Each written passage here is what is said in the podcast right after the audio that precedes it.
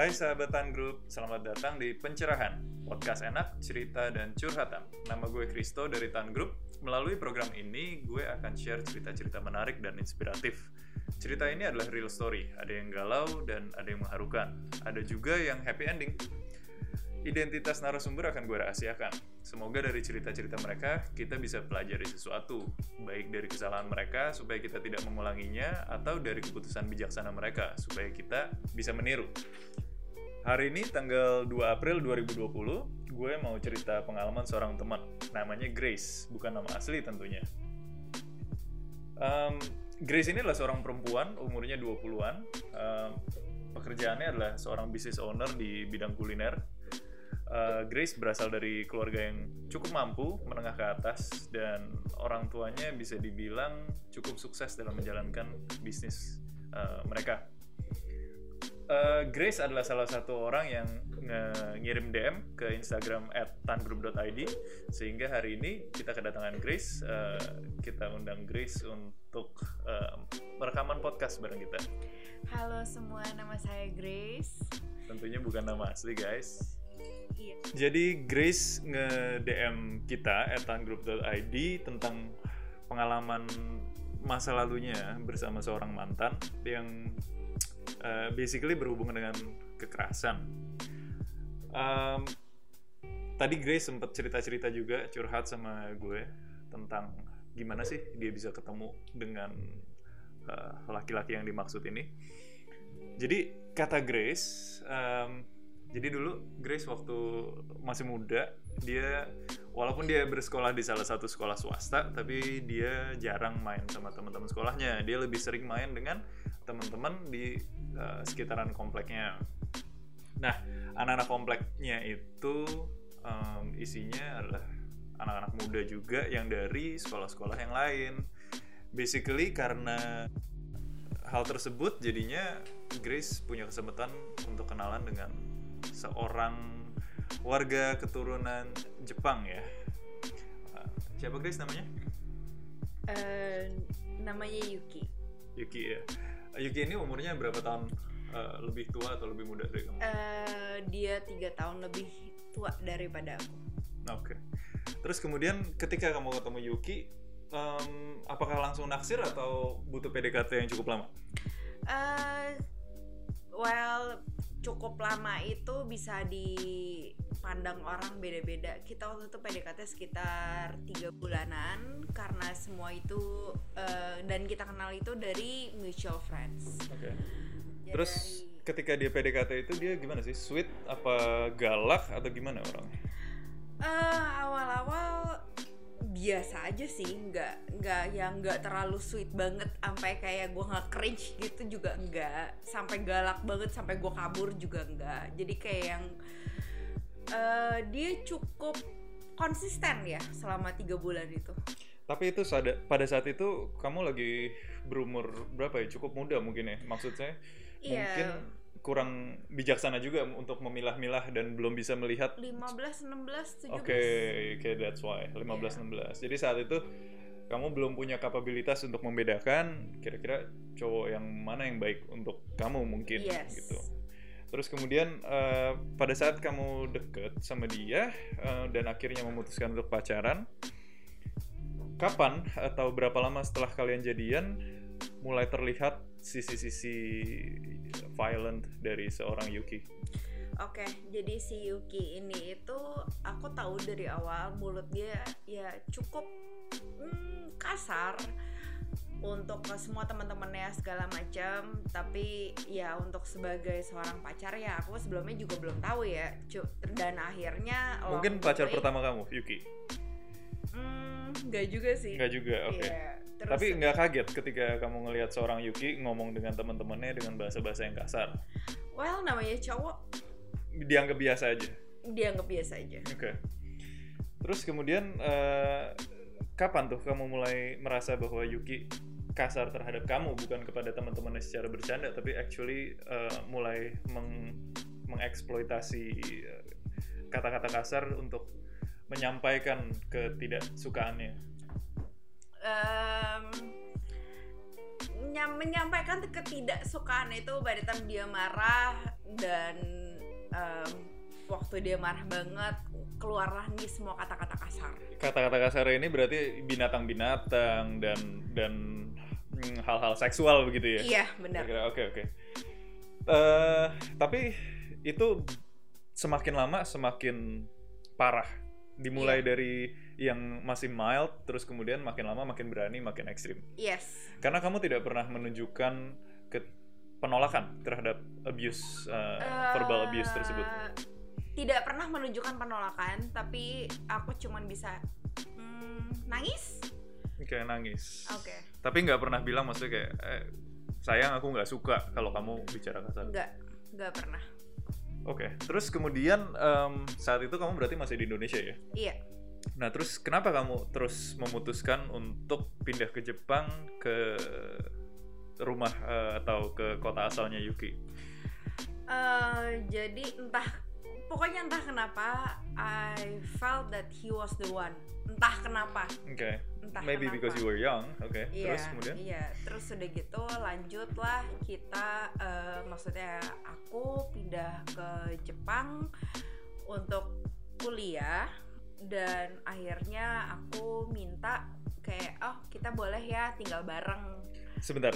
Kamu pindah ke Jepang out of all other options. Hmm. Ada Australia, ada Amerika, tapi kamu pindah ke Jepang itu basically memang betul karena influence seorang Yuki kan? Iya, Karena kamu jatuh cinta, jadi kamu milih Jepang Iya. daripada negara-negara lain. dengan keadaan orang tua aku waktu itu udah menawarkan kamu mau nggak ke Prancis, ke Australia dan ke US dan yang di US itu beberapa keluarga aku juga menawarkan oh iya lu bisa sama gua tinggal di sini dan eh, lu bisa kayak yang kuliah di sini Oke, tapi instead kamu pilih ke Jepang karena di Yes. sana ada Yuki. Nah, terus kemudian eh, sampai di sana, tentunya karena kalian seorang pacar, artinya kalian terus decide untuk tinggal bareng kata kamu, iya tanpa sepengetahuan orang tua. iya Oke, em, terus kemudian gimana Eh, aktivitas di sana? Sekolah berjalan dengan lancar? Eh, sekolah berjalan dengan lancar eh, nilai aku bagus di sekolah cuman kayak yang ya aku di sana em, bangun pagi ngasih dia makan pagi bangunin dia pagi terus udah gitu aku berangkat sekolah. Oh istilahnya kamu udah melakukan segala macam eh, tanggung jawab lebih dari seorang pacar itu udah seperti seorang istri ya istilahnya ya. Eh, iya kurang lebih Oke, terus em, gimana ketika kamu sudah melakukan segala sesuatu tersebut, pengorbanan tersebut kepada seorang Yuki? Ar- well gini em, namanya orang baru tinggal bareng pasti ada berantem bener gak? pasti, karena kan banyak eh, penyesuaian yang harus kamu lakukan ketika kamu di Yes. tempat baru. benar dan berantemnya itu nggak nyantai Oke, nggak nyantainya itu dimulai dari verbal abuse yang dia udah pernah lakukan sebelumnya. Eh, verbal abuse eh, yes dengan dan ujung-ujungnya juga aku immune dengan verbal abuse dia sudah Aku- terbiasa, sudah, sudah terbiasa mati rasa banget. gitu ya. udah mati rasa terus lama-lama kalau misalkan memang dia marah banget akhirnya dia main tangan main tangan ini tuh maksudnya kayak toyor, apakah jitak, apa cubit, apa tampar. oh itu udah dari tahun pertama Wow, oke. Terus ketika kamu dikasih mm, perlakuan seperti itu, awalnya nggak kaget kah kamu? Apakah kamu udah biasa diperlakukan seperti itu oleh orang tua?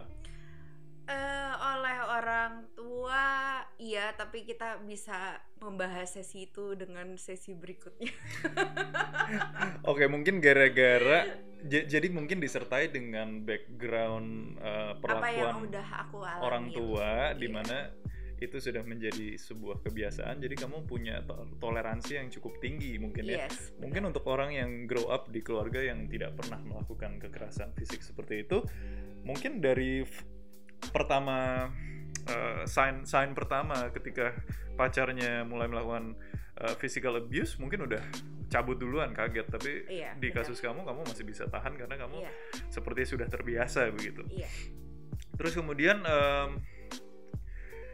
kalian tinggal ngekos. Itu ngekos atau rumahnya Yuki di sana? Eh, kita rent house ya Siapa yang bayar? Eh, aku yang bayar. Kenapa kamu yang bayar? Kenapa nggak dia yang bayar? Dia kerjanya apa? Eh, dia waktu itu masih kerja di pabrik bikin em, kayak spare part buat Toyota. Tapi dia kerja, lain-lain. sedangkan kamu sekolah. Kok kamu mampu untuk membayarkan eh, tempat tinggal tersebut? Eh, ya ketolong keluarga. Artinya kamu menggunakan uang yang dikirimkan oleh Orang keluarga tua. kamu, orang Iya. tua, untuk sekolah dan untuk hidup di sana, untuk makan dan lain-lain. Kamu pakai untuk tinggal sama-sama dia, untuk kamu bayarin expense hidup kalian berdua. Iya, benar. Oke. Eh, apalagi yang kalian bayar selain apa yang kamu bayar selain untuk akomodasi?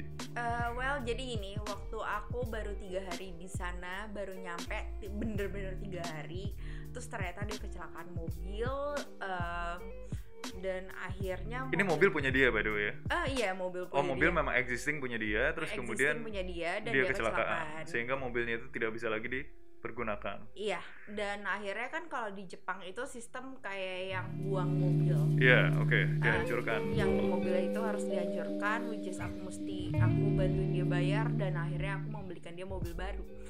Ketika kamu beli mobil baru, apakah dia request untuk certain models atau dia terima apa adanya apa aja gitu yang penting ada mobil? Eh, certain mobil Ya, oke. model dia request. Dia request.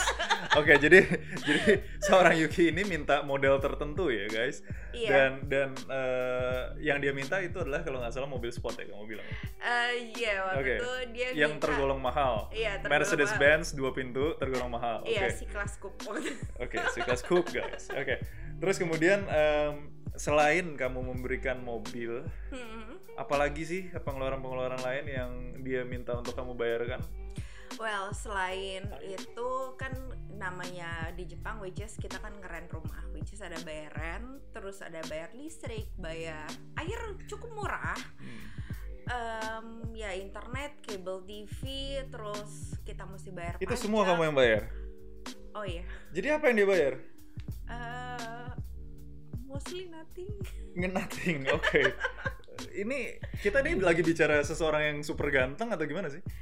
Eh, ganteng sih enggak ya. Terus kenapa bisa mau gitu? Apa di Jepang ada santet gak sih? Ada santet gak sih? Gue juga penasaran. Kenapa kok dia Bisa mau gitu? Bisa Kita tuh jadi nggak sa- ya, gue juga tahu. nggak paham gitu dengan Iya. jalan pikir seorang Grace ini. Oke, terus kemudian oke dibeliin eh, mobil, tentunya mobil ini juga kamu beliin dengan dana yang dikirimin oleh orang tua ya. Iya, benar. Dan orang tua kamu nggak pernah tahu tuh kamu pakai uang itu untuk beliin mobil pacar Enggak, gitu. Enggak, enggak, enggak, enggak. Damn. Dan aku selalu mengcover dia di mata orang tua aku. Oh jadi di mata orang tua kamu kamu nggak pernah cerita tentang tindakan-tindakan abusive tersebut. Kamu Yes. selalu hanya bilang bahwa hidup kalian baik-baik aja. Tapi orang tua nggak tahu ya kalian tinggal bareng ya. Eh, enggak, enggak tahu. Oke. Setelah kamu kasih mobil itu kan suatu Hmm. apa present yang luar biasa ya. Iya. Apalagi untuk ukuran anak yang apa sekolah gitu ya untuk Hmm. masih sekolah. Hmm? Dia berubah nggak sih menjadi lebih sayang kamu, menjadi lebih eh, sopan atau lebih halus terhadap kamu, lebih cinta? Em, dibilang lebih sayang, lebih cinta, lebih sopan by the time dia ada maunya. Tapi kalau misalkan dia lagi emosi dan bangsat banget itu dia dengan emosinya itu itu udah nggak ketolong Oke. lagi sih Dan physical abuse itu tetap berjalan. berjalan Contoh physical abuse apa aja yang kamu alamin selama kamu sama dia sih? Apakah sempet, Em, let's say ditampar oh ditampar udah sering sering? Apakah sampai dipukul dengan dengan apa dengan tangan yang menggenggam begitu? Oh itu ya pernah sekali. Jadi nggak sekali juga sih. Cuman yang paling parah. Oke, oke. jadi yang paling parah itu ya beberapa kali aku ke sekolah karena ditampar dia. Terus udah gitu aku ke sekolah dengan muka aku lebam atau bibir aku ada kayak Muka lebam itu artinya kamu tuh dipukul seperti orang mukul maling begitu? eh, ditampar sih. Cuman kayak kencang banget ya. Oke. Terus tadi kamu sempat cerita soal sampai darah Oh muncrat jadi dan gini, em, dia waktu itu kita lagi mau pergi dinner, aku udah waktu itu udah booking fine dining semua segala macam. terus udah gitu kita ribut ternyata Yang diributin apa sih? Eh, Hal kecil atau yang nggak penting atau hal nggak penting Hal nggak Sumpah itu penting. nggak penting banget J- jadi yang kalian ributin itu sebetulnya hanya pertarungan gengsi aja lah Iya. ya. Jadi seorang seorang Yuki nggak mau gengsinya itu di di bypass oleh Yes. perempuan. yes Sehingga dia emosi dan karena mungkin saat itu kamu memberikan perlawanan secara verbal ya karena kamu nggak iya manut-manut aja akhirnya akhirnya aku teriak oh kamu teriak. Jadi Aku jadi teriak. eskalasinya terhadap itu. Iya, aku teriak balik dan aku berusaha buat dia nggak nyentuh aku, makanya aku dorong dia balik dan Hmm. akhirnya dia nonjokin muka aku Nonjokin ini artinya bukan satu kali, berkali-kali. eh, berkali-kali. Terus udah gitu em, akhirnya hid- hidung aku berdarah, mulut aku berdarah dan akhirnya tonjokan terakhirnya dia itu bikin nyumprat darahnya itu tembok di sebelah kiri aku. Jadi si darahnya ini nyemprot sampai ke tembok sampai temboknya kotor. Iya, Terus tadi kamu cerita apa yang terjadi setelah temboknya kotor? jadi dia waktu abis itu dia marah banget dia masuk kamar dia cuman buka pintu kayak nyelengok gitu dong kayak nyelinuk Oh nengok gitu. aja Dia nengok dan doang memberikan pesan terakhir yaitu pesan terakhir yaitu tolongnya bersihin tuh tembok ntar owner yang punya apartemennya dan kamu bersihin. dan aku bersihin pakai sikat gigi dan aku sikatin satu-satu Oke. Oke. Terus em, nggak pernah terpikirkan oleh kamu untuk melapor ke polisi atau atau teman kamu mungkin di sekitar kamu yang bisa bantu untuk Eh, nah itu kejadian waktu itu hari minggu masih hafal banget kayaknya sampai harinya aja tahu ya. Uh, dendam kesumat kali ya. Waktu itu hari enggak soalnya waktu itu em, besokannya aku mesti pergi ke sekolah. Uh, dan aku ke sekolah diliatin semua teman-teman aku dalam satu kelas dengan keadaan muka aku bonyok-bonyok dengan mataku lebam terus ada lecet di pipi juga dengan mulut aku, eh, bibir aku eh, rada lecet atau robek terus akhirnya sahabat baik aku narik aku ke toilet dia Ini sahabat di sekolah ya berarti. Iya, sahabat di sekolah aku, dia narik aku ke toilet, dia nanya, lo habis digebukin ya sama pacar lo. Terus udah gitu dia, gue ngomong kayak, "Eh, enggak kok gue jatuh. Terus dia ngomong lu jangan bohong sama gue, gue tahu pacar lo itu mukulin lo. Dia ngomong seperti itu. Dan akhir itu eh gue tau lo digebukin pacar lo, gue mau lapor ya ke polisi. Akhirnya gue bersujud di toilet Jadi kamu sujud ke temenmu ini. tem- ke sahabat aku waktu Oke. itu Untung nggak ngelapor ke polisi. untuk nggak ngelapor ke polisi. Kenapa saat itu kamu takut karena kamu masih sayang atau karena kamu nggak mau semakin di abuse lagi? Satu mm, biar gak makin di abuse lagi. Dua biar aku mikir kayak anjir hidup gue dramanya udah banyak ya. Jangan nambahin drama hidup gue. Gue nggak mau. Gue di negara orang, bo, bukan di negara diri gue sendiri. Oke. Setelah kamu punya pikiran seperti itu kok nggak pernah terpikir untuk minta putus? Belum. Belum. karena aku waktu itu di posisi di mana aku me- harus menyelesaikan kuliah aku waktu itu dan aku tahu aku harus tetap tinggal bareng sama dia Oke. Terus em, namanya kuliah kan pasti dong ada eh, liburan atau waktu periode untuk liburan. yes Akhirnya pulang ke rumah ketemu keluarga. Sempet ka- kamu ketemu keluarga eh, dan kemudian ketika kamu ketemu apakah kamu cerita? enggak Enggak. Ketika kamu ketemu apa yang kamu rasain sih? Ketemu apa nih? Ketemu dengan keluarga. parents ya dengan keluarga.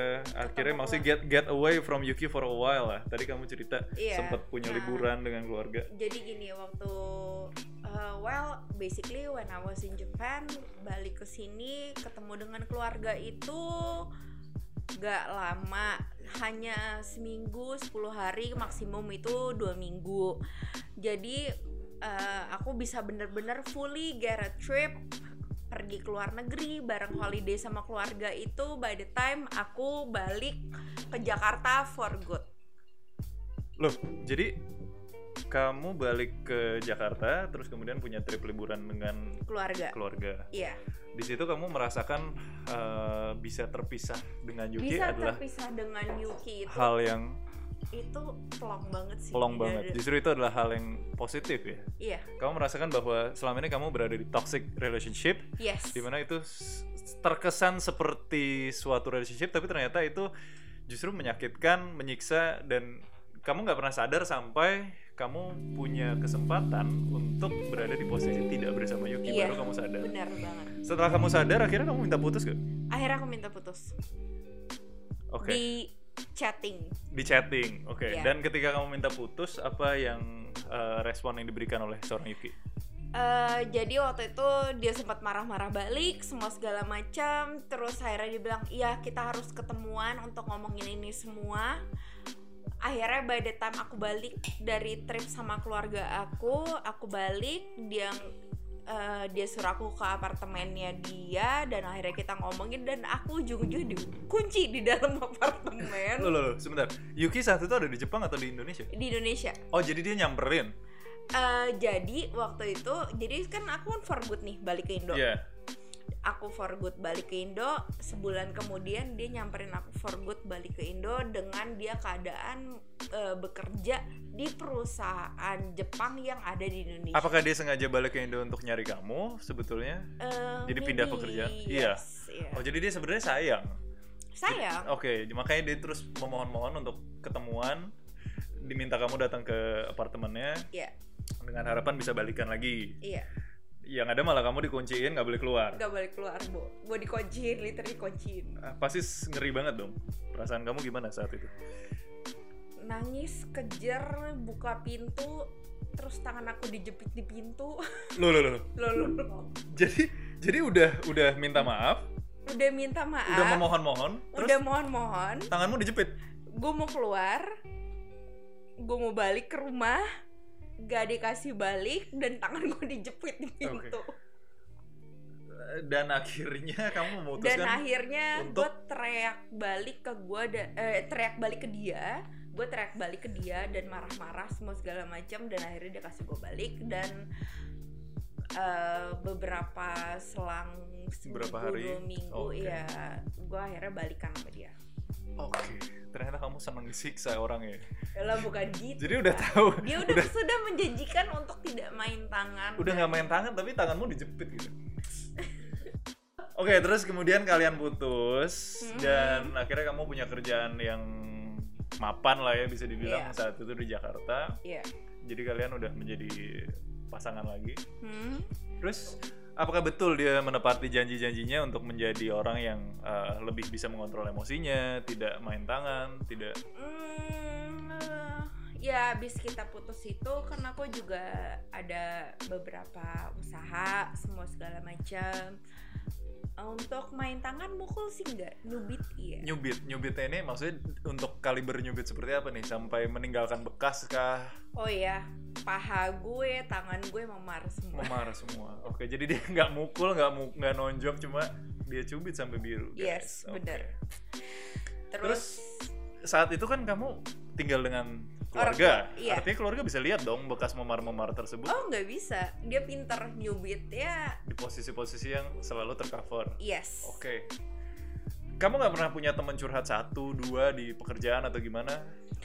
Eh, waktu itu teman-teman aku sama teman-temannya dia itu gabung karena kita sudah kenal dari zaman kita waktu masih SMA. Aku mau cerita pun aku nggak berani cerita ke partner aku dan nggak berani cerita ke yang lain-lainnya. Oke. Terus em, tadi kamu juga sempat eh, mention bahwa Hmm. ternyata bukan cuma si kelas coupe Mercedes Benz yang kamu kasih ke dia ya, Hmm. tapi ternyata setelah kamu kasih mobil itu dia kecelakaan lagi. Itu itu itu mau waktu masih di Jepang. Waktu masih di Jepang. Jadi, Oh, jadi udah dikasih mobil abis- baru? Udah dikasih si kelas coupe, mobil baru. Tabrakan lagi dia. tabrakan lagi semuanya hancur lagi akhirnya kita jual lagi kita mesti well zaman Jepang itu di Jepang itu kalau misalnya lu mau buang mobil lu mesti bayar Oh, buang mobilnya aja lo mesti bayar. Terus Dari kemudian situ, mobil kedua hancur, mobil kedua hancur mobil ketiga eh, dia minta lagi dia minta lagi akhirnya gue kasih Lexus. Lexus Yes. GS. Dan itu menggunakan uang orang tua yang dikirimkan Yes. untuk modal hidup di sana. benar Jadi ini orang tua nggak pernah tahu nih ya eh, bahwa uang yang dia kasih lari ke seseorang yang sangat eh, setan seperti itu gitu ya. Gak pernah tahu pak soalnya kan dengan keadaan waktu gue waktu itu orang tua gue mengirimkan uang gue per bulannya cukup banyak dan gue at least bisa menyelesaikan itu semua Oh, dalam enam bulan untuk cicilan. Oke, oke. Nah, terus em, oke tadi flashback sedikit tentang Lexus eh, yang kamu kasih Mhm. untuk kedua kalinya, mobil kedua yang kamu kasih. Terus kemudian buktinya hari ini kamu eh, single, artinya kamu udah berhasil eh, Lepas. lepas dari Yes. dari apa lingkaran Hah, yang sangat toksik tersebut. iya bener. Ceritanya gimana sih terakhir ketika kamu berhasil putus itu apa yang bikin kamu akhirnya eh, kehilangan eh, rasa sayang itu atau stop menjadi bucin tuh eh, itu gimana ceritanya tuh gimana? Jadi gini, oke dari eh, sorry ya dari awal ini kita nggak pernah bahas. Jadi gini, eh, dari awal aku jadi nama dia, aku udah tahu teman-teman dia dan itu pun teman-teman aku mereka suka main cewek. Jadi kamu tahu dia suka main cewek, tapi Yes. kamu it- itu tidak masalah gitu istilahnya buat Iya, kalau lu mau jadi nama gua, kalau lu mau main cewek, lu ngomong sama gua. Dia ngomong, Awal-awal dia ngomong, dia ngomong dia mau main cewek. dia ngomong gue mau pergi karaoke, gue mau pergi ino ini ini ono ini, semuanya dia ngomong, dia ngomong. Dan kamu masih bisa terima Masih itu. kayak oh ya udah, Kamu ini manusia apa robot sih? gue masih kayak bisa terima oh ya udah yang penting lu ngomong lu jujur sama gue. Oke, ini udah kacau sih. Ini orang yang punya resistensi tinggi terhadap sebuah racun Ini ya, salah ternyata sih. ya. Jangan itu itu ya. salah sih. Ini ini. Jangan-jangan, sumpah di luaran saja, jangan ada yang jadi gue lagi. Oke, terus tadi kamu uh, mention tentang teman birthday, terus kemudian Oh iya, jadi gini, em, karena aku tahu dia dan sahabat-sahabatnya suka ada cewek ini ini, dan aku pun kadang suka dibawa sahabat-sahabatnya, eh ini cewek mainan gue, ini cewek asli gue yang mana? Maksudnya gimana? Jadi gue harus bisa membedakan. sorry sorry, gimana? Jadi gini. Yuki bawa kamu dan bawa. Jadi apa Yuki dan teman-temannya Heeh. itu em, misalkan aku lagi sama Yuki nih, terus teman-temannya kan punya cewek pacar asli, Oke, oh jadi teman-temannya itu punya cewek kadang pacar. bawa pacar asli, kadang, kadang bawa, bawa aneh-aneh. yes Dan dan, dan aku harus bisa membedakan Oke, tapi tapi di di di perspektif kamu si Hmm. seorang Yuki ini selalu bawa kamu nggak pernah bawa aneh-aneh kan? yes Oke, tapi itu memberikan kamu clue bahwa wah pasti seorang Yuki juga melakukan hal yang sama gitu. yes Oke, dan pada suatu hari ketika teman kamu ada yang ulang tahun, Yuki, Eh, eh, jadi gini waktu itu sahabat aku ada yang ulang tahun ya sahabat, kamu atau sahabat dia? sahabatnya Yuki Sahabatnya itu, Yuki. Oke. terus sahabatnya Yuki bawa lah nih si eh, ani-ani ini pergerombolan banyak lah ya, semua. banyak aneh-aneh. Oke. Iya, Terus terus? ada salah satu eh, pokoknya waktu itu aku lagi nungguin kue ulang tahunnya. Hmm, kue ulang oke. tahun sahabatnya Yuki.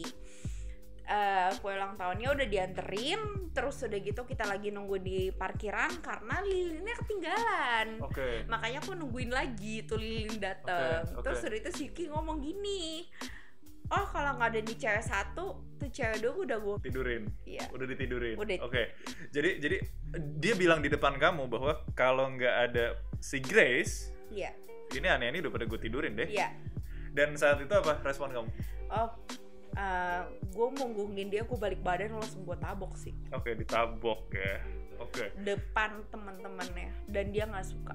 Dia nggak suka. Iya. Dan saat itu karena dia nggak suka, kamu balik kanan, kamu pulang ke rumah, dan yang Eh, terjadi aku masih stay di sana dan dengan keadaan eh, teman-temannya dia tahu kita ribut, eh, teman-temannya tahu semuanya segala macam dan akhirnya aku bilang aku ngomong kayak, eh aku mau balik duluan dong dan kamu balik duluan. dan akhirnya aku balik duluan sama supir. Dan ternyata eh, Dia Yuki balik sama hari itu cewek. balik dengan aneh-aneh yang Yes. tadi dia sebut. Dia Oke. balik sama tuh cewek. Tapi itu nggak bikin kamu putus sama dia justru ya? Oh enggak. Setelah itu kamu masih Ya, masih masih lanjut, masih lanjut. Nah terus kapan dong putusnya?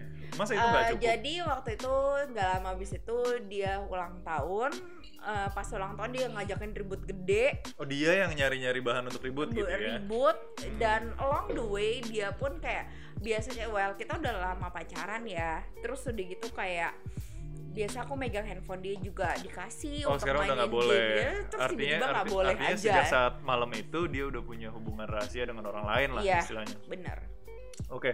Dan kemudian eh, dia ngajak ribut, terus kemudian terjadi keributan. Akhirnya kamu diajak ke suatu pesta, kamu nggak jadi datang. Dan Hmm. denger denger denger ternyata dia pergi dengan Ani-Ani yang yes kalian ketemuin pada Yes. malam itu dan itulah eh, akhirnya menjadi eh, turning point buat kamu untuk Iya. akhirnya mutusin dan akhirnya aku mikir kayak um, ya udah it has to stop oke thank you Grace for sharing your story Thank with you. us.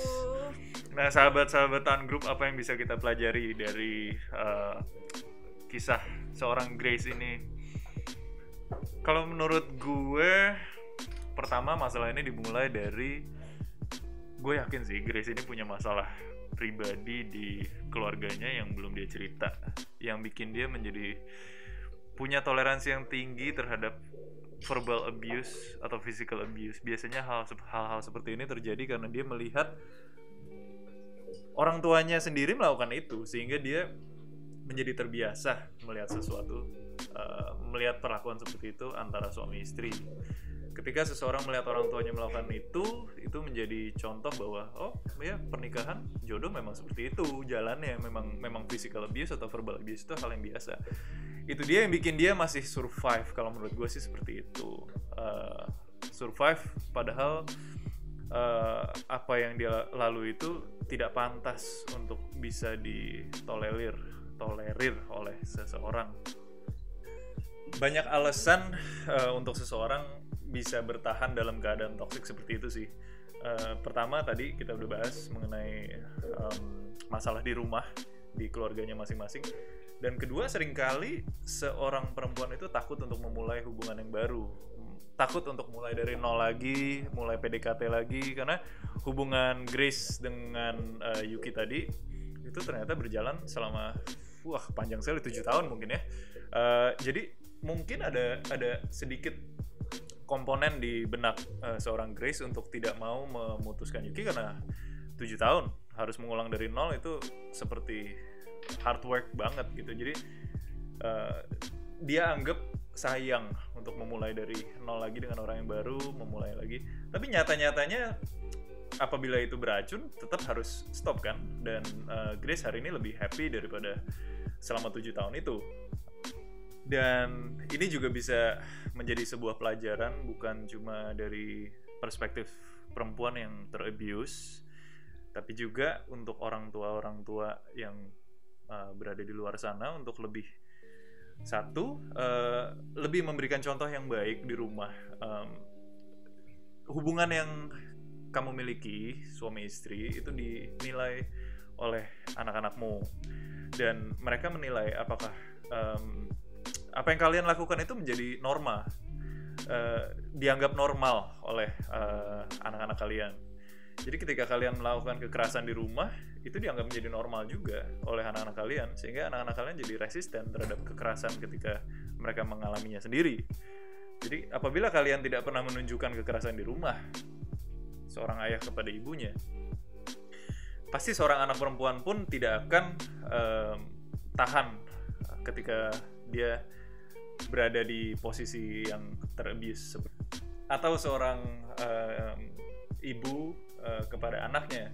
Apabila seorang anak ini rajin di abuse sudah terbiasa dengan physical abuse ketika dia di abuse oleh orang lain di luar rumah dia pun akan terbiasa. Dia pun akan tidak merasa bahwa itu adalah sesuatu yang aneh atau sesuatu yang um, harus dihindari begitu. Karena dia terlatih untuk menerima perlakuan seperti itu. Oke, sahabat-sahabatan grup, um, itu adalah akhir dari episode kali ini. Sebelum kita mengakhiri, uh, Grace mungkin punya pesan-pesan yang mau dia sampaikan kepada para pendengar. Silakan guys Um, Oke, um, aku waktu itu ngalamin di mana di saat uh, aku belum nikah atau ada komitmen uh, yang lebih dan um, aku belum punya anak, belum semua segala macam dan aku mau minta kalian untuk perempuan yang di sana atau laki-laki yang di sana yang di abuse dengan pasangannya, please stop it.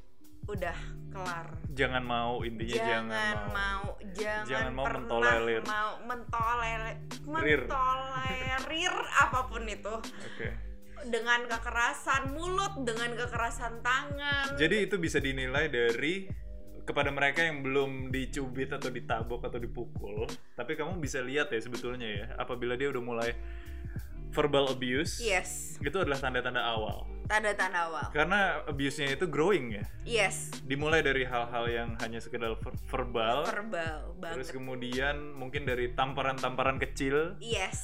makin lama yang tadinya tangannya terbuka menampar menjadi tertutup mukul. Mukul. Sampai berdarah, Berdarah. nyiprat suruh bersihin lagi. Iya.